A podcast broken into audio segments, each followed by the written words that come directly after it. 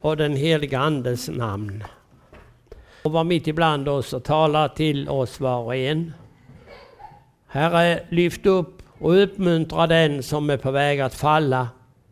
Men eh, jag ber också om att du fostrar oss när vi lever i välstånd och lätt blir högmodiga.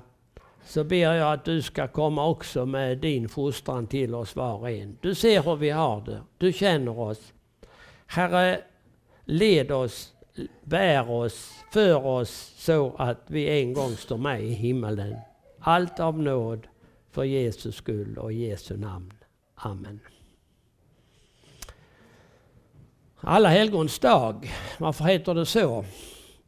Jag läste om detta på ett ställe att eh, innan vi hade den almanacka som vi har, där vi har olika namn på namn på varje dag, från början var det så att varje dag hade ett helgon. Ett av dem som i den katolska kyrkan var förklarade som helgon. Så eh, det var alla dagar hade helgondagar. Men så var det en hel del helgon kvar som inte fick någon namnsdag. Och då så slog man ihop alla de som blev över och så blev det alla helgons dag. Alla de övriga. Och idag ska jag inte tala om en enda ett enda helgon som har blivit helgonförklarat av påven eller någon påve. Men de är helgonförklarade av Herren Gud själv. Och jag vill eh, tala lite grann om dem utifrån en text ifrån, det, det, ifrån Hebreerbrevets tolfte kapitel. Det är dagens episteltext. Där står det så i Jesu namn. När vi nu har en så stor sky av vittnen omkring oss Låt oss då lägga bort allt som tynger och särskilt synden som snärjer oss så hårt och löpa uthålligt i det lopp vi har framför oss. Och låt oss ha blicken fäst på Jesus, trons upphovsman och fullkomnare. För att nå den glädje som låg framför honom uthärdade han korset utan att bry sig om skammen och sitter nu på högra sidan om Guds tron. Tänk på honom som fick utstå sådan fiendskap från syndare så att ni inte tröttnar och tappar modet. Herre, skriv in dessa dina ords sanningar i våra hjärtan till liv och salighet för oss alla. Amen. Jag ska börja så att säga från, från bakifrån i den här texten. Det jag tänker säga det är, och det jag tänker relatera till, det är skrivet för att vi inte ska tappa modet och tröttna. Vi lever ju i en värld där vi ser och hör och upplever oerhört mycket lidande. Vi hör så många människor som får utstå förföljelse av olika orsaker. Och eh, framförallt så många kristna får utstå en otroligt lidande på grund av andra människors plåga, eh, hur de plågar och torterar. Och då tänker vi att ja, de behöver väl uppmuntran så att de inte tröttnar utan, eh, och tappar modet. Men eh, om vi ser oss omkring också i, i vårt land och vi ser på kristenheten så är det väldigt mycket som vi måste vi bekymra oss för. Eh, är det lönt att vi predikar evangelium? Är det lönt att vi sätter ut månadsturer? Är det lönt att vi samlas till gudstjänster? När det är så mycket annat som kommer över och tar eh, fokus ifrån oss i våra liv. Och sen tittar jag på mig själv. Det är så oerhört mycket i mitt liv som jag måste kämpa mot. Det är så mycket som tränger sig på. Och jag måste ju konstatera att varje dag är, ju, är det ju synder som jag måste kämpa med. Ovanor och sånt som jag har dåligt samvete för. Är det lönt att jag håller på att läsa Bibeln och har min morgonbön Är det lönt att vi samlas till, samlar ungdomarna till ungdomsmöte? Är det lönt att vi har söndagsskola? Och så vidare och så vidare. Och så kan vi då tappa modet. Vi kan tröttna. Vi kan bli uppgivna. Så kommer detta. När ni nu hör en så, vi har en så stor sky av vittnen omkring oss. Låt oss då lägga bort allt som tynger oss. För att inte tappa modet. För att inte låta allt detta som väller över oss, tankar, negativa tankar, att ge upp och så vidare. Om inte det ska ta överhanden, att det inte lönar sig, då behöver vi titta på dem som har gått före oss. Och i kapitlet innan det här tolfte, alltså det, det är ju när vi nu har en så stor sky av vittnen, så, så anknyter ju författaren till det som var, han har sagt tidigare. Och där är mycket att hämta. Han hämtar ifrån Gamla Testamentet och nu är ju detta skrivet på, eh, strax efter Jesu tid, på apostlarnas tid. Hebreerbrevet. Av vem vet vi inte och inte exakt när. Men han har ju inte apostlarna och de andra att relatera till utan han tar ifrån Gamla Testamentet och han börjar på Abel. Abel, han fick utstå hån och förakt och hot ifrån sin egen bror. Det står att Gud såg till Abels offer men inte till Kains. Varför offrade Abel? Abel insåg att han var en människa som hade syndat och syndade. Han offrade för att synden han skulle gottgöra. Och antagligen, och det, det står ingenting om det, men Gud hade undervisat och talat om för Adam, och Eva, och Kain och Abel hur, hur de, hade, de hade syndat. Utan blodsutgjutelse sker ingen syndaförlåtelse, står det långt senare i Bibeln. Men vi kan förstå att det måste ske ett offer. Det förstod Abel. Och han offrade för att han ville att hans synd skulle försonas. Det var ett plåga för honom. Kain han hade ett ont sinne. Gud såg det. Gud mötte honom. Gud varnade honom. Men för Kain var inte synden en, ett, något problem. Han, eh, han fortsatte, trots varningar, att leva i synd och blev värre och värre. Vi kan ju läsa hans släkthistoria. Hur man där levde i hat, i hämndbegär och så vidare. Han offrade för att det skulle se så ut. Men synden hade inte blivit ett besvär. Och hur är det för oss? Har synden blivit ett besvär för oss? Är det någonting jag vill bli av med? Är det därför jag ber Gud förbarma dig och förlåt mig syndare? Eller är det en ramsa? När vi läser eller ber syndabekännelsen i kyrkan, i gudstjänsten och det kanske här också. Är det, en, är det någonting som jag rabblar upp för att det ska så vara och det hör till ordningen? Eller är det någonting som jag får lasta av här? Annars känns det hopplöst. Och förra söndagen talade vi om förlåtelse utan gräns.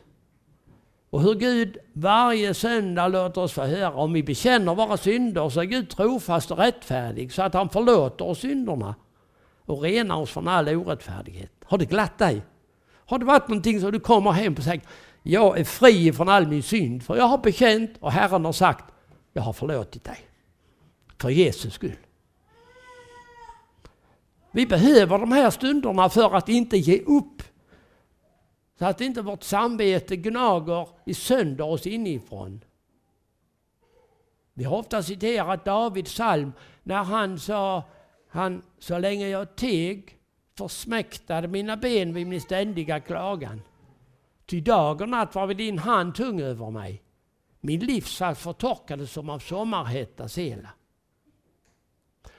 Att gå med ett ont samvete, med synden som tynger, då kan man bli färdig och ge upp. Det är hopplöst med mig. Och när den ena synden kommer upp så plötsligt upptäcker jag, ja men så har jag gjort nästa. Och så nästa. Vi läser vidare i salmen. Då uppenbarade jag min synd för dig. Överskylde inte min missgärning. Alltså, jag vill bekänna inför Herren mina överträdelser. Då förlät du mig min synds missgärning, säger David. Människorna i Gamla Testamentet, människor som är våra vittnen, de som vi kan läsa om, hur deras liv var. Hur de inte var några fullkomliga människor. De erkände det. De blev hjälpta. De blev avlösta sin synd och sitt onda samvete. Detta är någonting som vi bör samlas omkring. Evangeliet om Jesus, om syndernas förlåtelse genom tro på Jesus Kristus. Detta, låt oss se på dem som gick genom livet med denna, detta för målet för ögonen och denna ständiga, på nytt och på nytt återkommande syndabekännelse och förlåtelsen som de fick ta till sig. Det gladde dem, det gav dem mod, det gav dem frimodighet. Allt det som mötte dem av svårigheter. Att leva i en nära och öppen relation till Gud, ja det är vad Gud önskar. Och det var meningen med oss. Adam och Eva gick sin egen väg och sen har människan, vi är födda liksom med ryggen mot Gud. Vi vill gå vår egen väg och säger ofta, som djävulen ingav de första människorna, skulle Gud ha sagt. Skulle det vara så noga med vad som står i Bibeln? Det står om en person som är i himmelen. Han heter Hanok. Vi vet inte mycket om honom. Men det står att han levde i gemenskap med Herren Gud. Och det sa att Gud tog honom bort ifrån den här jorden. Har du tänkt på, och det gör du nog någon gång om, hur det ska bli när jag ska lämna den här världen? På vilket sätt ska jag dö? Ska det bli efter en lång sjukdom? Ska det bli genom en olycka? Eller hur ska det gå till när jag ska lämna den här världen? Då tänker man kanske på Hanok. Det gör jag ibland. Tänk, Gud kom och tog honom bort. Punkt slut. Tänk vad härligt sätt. Och det står ju några, några i Bibeln, några människor som på det här viset har, har fått lämna världen. Gud kom och hämtade Elia. Han kom i en vagn av eld och hästar som brann och hämtade honom upp till himlen. Och om Mose står det att, att Mose dog där uppe på berget, på Moabs berg, när han hade fått se in i Israels land. Men han skulle inte få komma dit. Han dog där och Herren begravde honom där. Det vet vi inte. Aldrig har någon hittat det här. Det är de två, Mose och Elias, var med Jesus på förklaringsberget. De mötte Jesus där. Och då tänker man på, det är de som levde och dog i Guds gemenskap. Och Gud tog dem upp till himlen. Så blir det. Men sen är det en, en som jag också har tänkt på. Och jag är inte riktigt säker på om detta är en liknelse eller det är en det är en berättelse som Jesus berättar om den rike mannen och Lazarus. Det står om de här två män, männen som, som levde i så totalt olika världar. Den rike mannen med överflöd i sitt hem, men tänkte bara på sig själv. Och den fattige Lazarus som levde utanför hans dörr och fick ta emot lika, lite smulor som kastades ut till hundarna och de allra fattigaste och bland dem var Lazarus. Båda de här männen dog. Och det står om den rike mannen att den rike mannen dog och blev begraven. Också Lazarus dog. Men det står inte att han blev begraven, men det står att änglar förde honom till platsen nära Abraham i den himmelska världen. Eh, jag vet inte, men jag har funderat över, tänk den fattige Lazarus som hade fått lida så mycket. Var hungrig varenda dag och var smutsig och hade det säkert eländigt. Ingen framtid på denna jorden. Men han levde i en sådan relation och gemenskap med Herren Gud att Gud, när han såg Lazarus tid var ute här, då skickade han sina änglar för att hämta honom till himlen. Tänk vilka saliga människor, det är väl helgon som vi kan få lyssna till och se.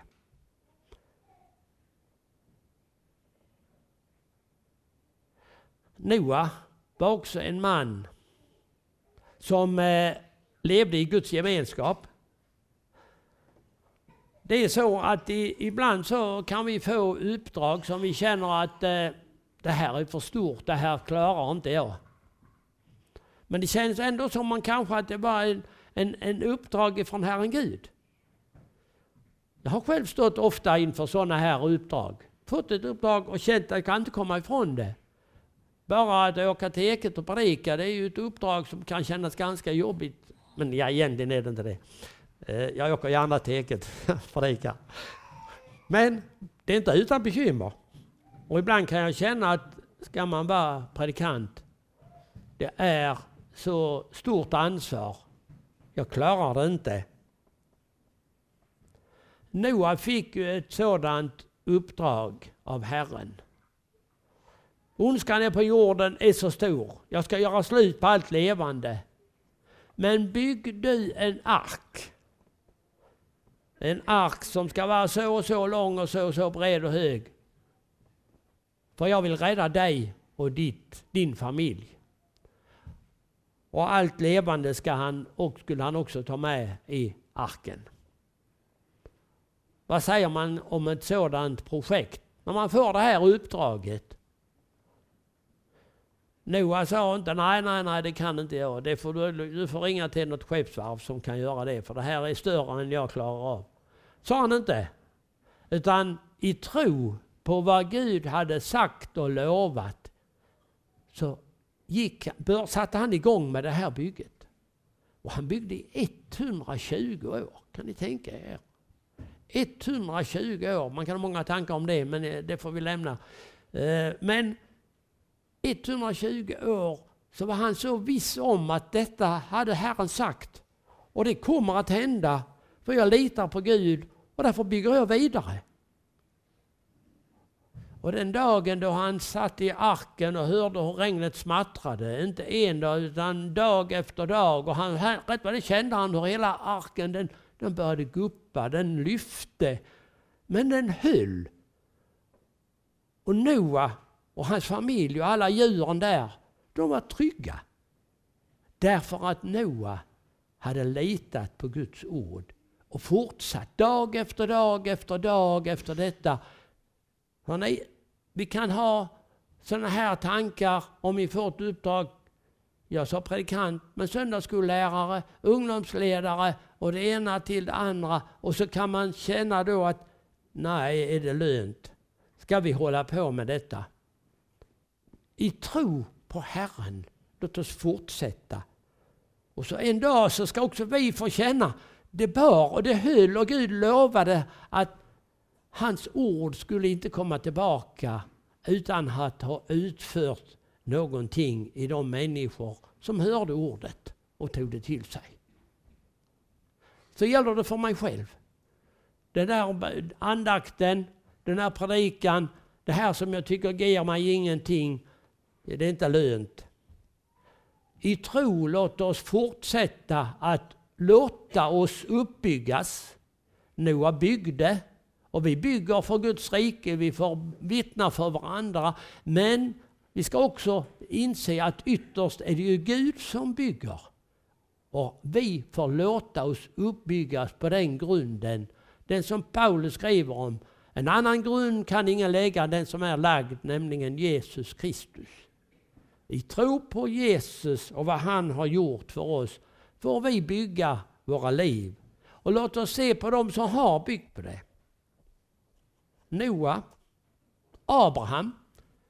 Han bodde i Ur i Kaldén, men han blev kallad att gå ut därifrån. Det var någonting som gjorde att han inte skulle bo kvar där. Det står inte om varför.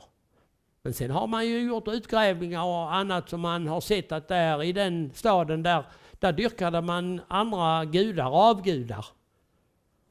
Men Abraham, han trodde på Herren Gud. Och han fick ett, en kallelse och han gick i tro på att den Gud som hade kallat honom skulle också gå med honom. För det hade han löfte om. Abraham trodde Gud. Han var ingen perfekt människa, han var ingen syndfri människa Abraham. Men han trodde på Gud, trodde på Guds ledning, trodde på Guds löften den gången han fick ett löfte om att han skulle få en son. Han var gammal, Sara var gammal. Det kunde rent biologiskt sett aldrig kunna inträffa att en 100-åring och en 90-åring skulle kunna få barn. Men Abraham och Sara, de fick en son. De fick Isak. I tro, står det i det elfte kapitlet, så eh, genom tron fick även Sara, som var ofruktsam, kraft att bli mor till en ett, fast hon var överårig. Hon tänkte att den som hade gett löftet var trofast. Titta, en människa som såg allting bara hopplöst omöjligt ändå håller fast vid vad Gud har sagt och får uppleva detta underbara, fantastiska att hon kunde bli mor till en hel ett, en hel släkt. Låt oss ha ögonen riktade på dessa. Och så lägga bort allt som tynger och särskilt synden som snärjer oss så hårt. Att löpa uthålligt i det lopp som vi har framför oss. Det var ju det Abraham gjorde. Han gick. Han lät sig ledas. Det står sedan om Mose. Hur var, det, hur var det för honom? Han kom till farao och skulle säga Släpp mitt folk så att de kan hålla högtid åt mig i öknen. Helt omöjligt. skulle komma en farbror utifrån öknen, en herde, som skulle ge sig in i högborgen i Egypten och i världsmakten och komma in till den stora farao dit inte alla fick komma, men Mose fick gå dit. Och han säger detta. Vem är Herren att jag skulle lyda honom? i svaret han får. Och så får han gå igen. Men så får han då också denna kraften att få lov att uttala plågorna, det ena efter den andra. Plågorna kommer, plågorna går. På Guds befallning och Mose är redskapet. Han gör detta i tro, det som är hopplöst. Och sen så vet vi historien. I tro offrade de påskalammet. I tro på att det som Gud hade lovat, det håller. Jag ska låta min ängel gå genom landet och slå allt förstfött. Men hos er, ni ska slakta ett lamm, ni ska ta blodet och stryka det på dörrposterna till det hus där ni eh, befinner er, där ni är. Och jag ska gå förbi det hus där blodet står som, är som ett tecken, finns som ett tecken. Tänk vilken förebild detta. När Herren ska gå genom landet, fördärva, så finns det de som kan vara alldeles trygga och säkra. Därför att de litar på Jesu blod. Och att det han har gjort är fullkomligt. Det är en räddning för oss. Vi är trygga innanför det tecknet. Och det gäller fortfarande. Den som tror på Jesus och det han har gjort. Så står Moses så småningom vid Röda havets strand. Det är stängt framför. Det är stängt bakom. Det är hopplöst. Inte kan han där i den röran stilla sig i någon bön. Men inom honom finns det finns en relation. Det finns redan en kontakt mellan honom och Herren Gud. Och den tar han upp, eller rättare sagt så tar Herren upp den. Och det är så fantastiskt. Tänk när det är så svårt. Jag ligger kanske i plågor. Jag ligger i bekymmer. Jag kan inte samla tankarna. Jag kan inte be. Det beror inte på det. Hur mycket du kan be och hur mycket du kan samla dina tankar. Alltihopa beror på att Gud älskar dig och han vill ha dig hem.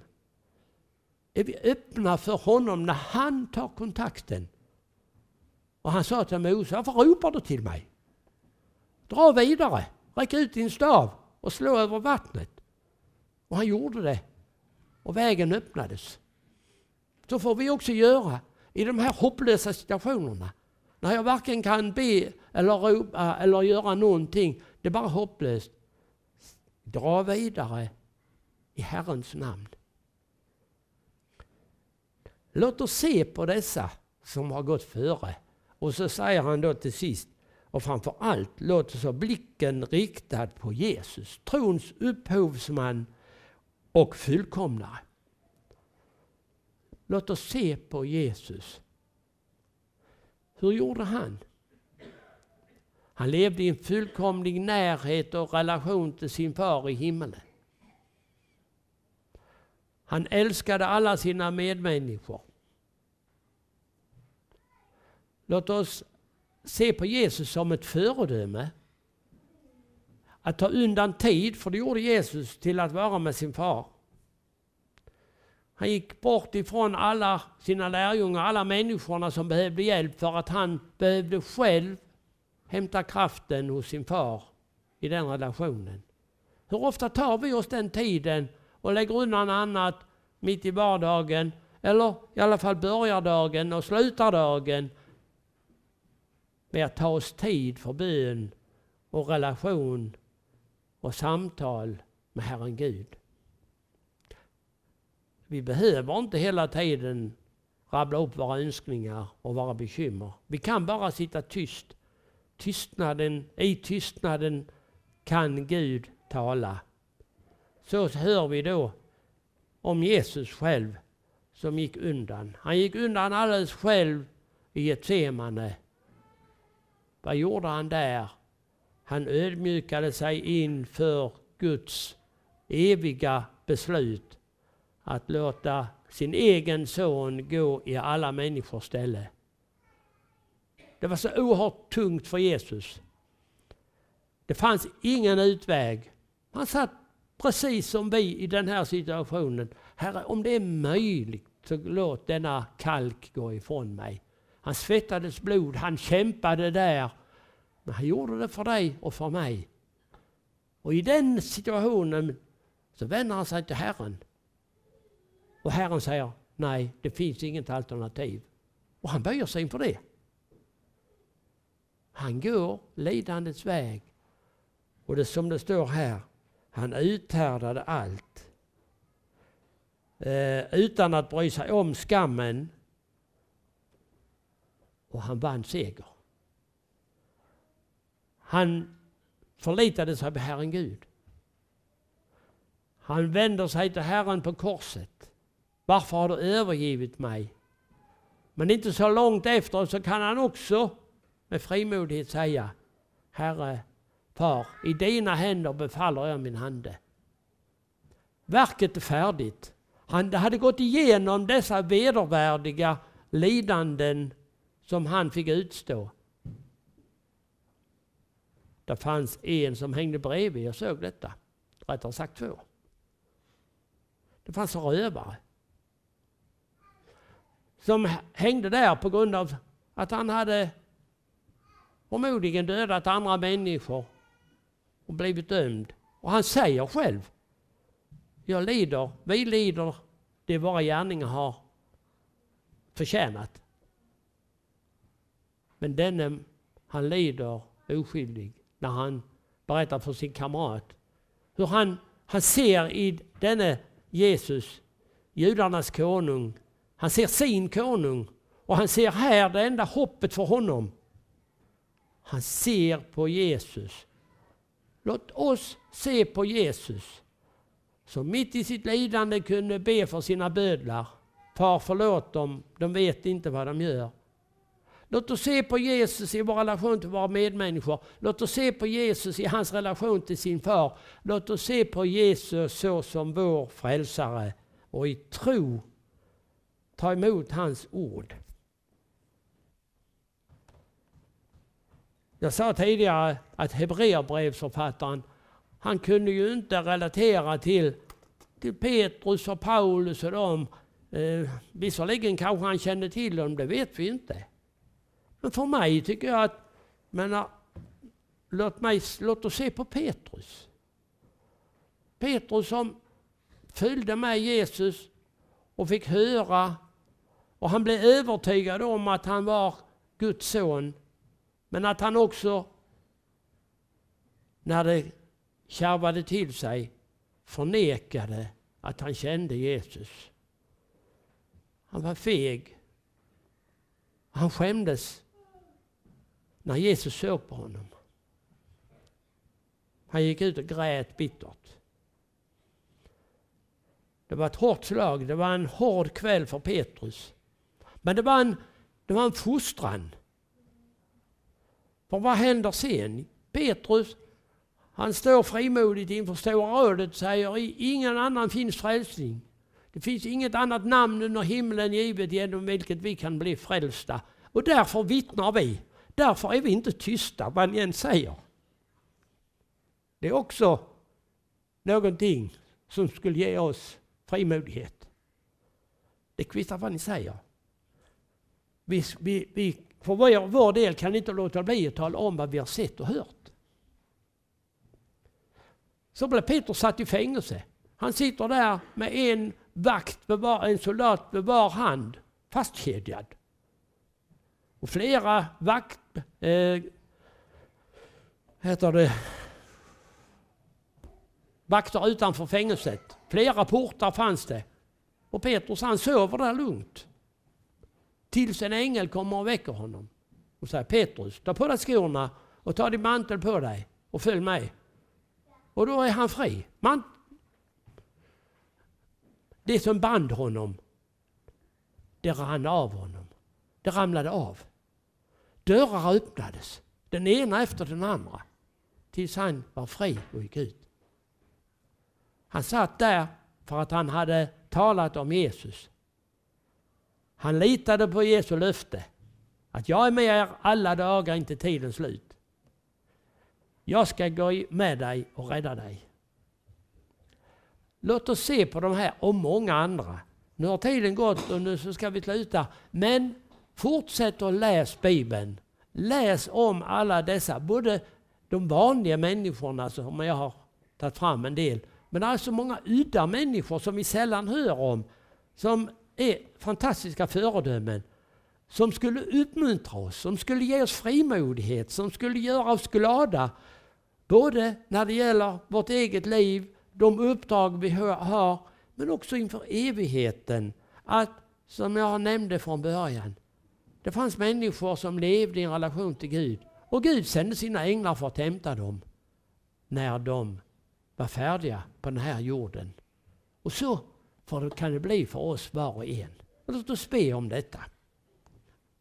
Herre, vi tackar dig för de vittnen som du har talat om i ditt ord. Jag tackar dig för de vittnen som vittnar också idag om att du håller dina löften. Du gör det du har lovat. Tack för att du kallar oss att du tar kontakt med oss. Gör så med mig och med oss var och en. Du ser vad vi behöver, du känner våra hjärtan. Och låt det också komma med fostran som inte vi gärna vill ha. Men om du ser att det behövs och är nödvändigt så Herre, låt oss böja oss inför din fostran och ta det som en kärlekshandling från dig också det. Tack för att du, har, du älskar oss så att du gav ditt liv för oss. Tack för att du inte skämdes och drog dig undan för det du fick utstå för min skull. Men Jesus, skriv dig in i mitt hjärta och våra hjärtan. Att därför får vi tillhöra dig. Vi har rätt att vara Guds barn. Vi lämnar oss i dina händer. Välsigna oss för ditt namns skull. Amen. Vi ber tillsammans Herrens bön. Fader vår som är i himmelen. Helgat var det ditt namn. Tillkomme ditt rike. Ske din vilja så som i himmelen så och på jorden. Vårt dagliga bröd ge oss idag och förlåt oss våra skulder så som och vi förlåter dem oss skyldiga är. Och inled oss inte i frestelse utan fräls oss ifrån ondo. Ty riket är ditt och makten och härligheten i evighet. Amen. Herren välsigna oss och bevara oss. Herren låter sitt ansikte lysa över oss och vara oss nådig. Herren vände sitt ansikte till oss och ge oss frid. I Guds Faderns och Sonens och den heliga Andes namn. Amen. Jag tänkte vi skulle sjunga, tänkt sagt en gammal klassiker, men för många av oss är det nog så. 527, 527, ack varför nu gråta, jag har ju en vän som bär på sitt hjärta min nöd. Nummer 527. I lova Herren.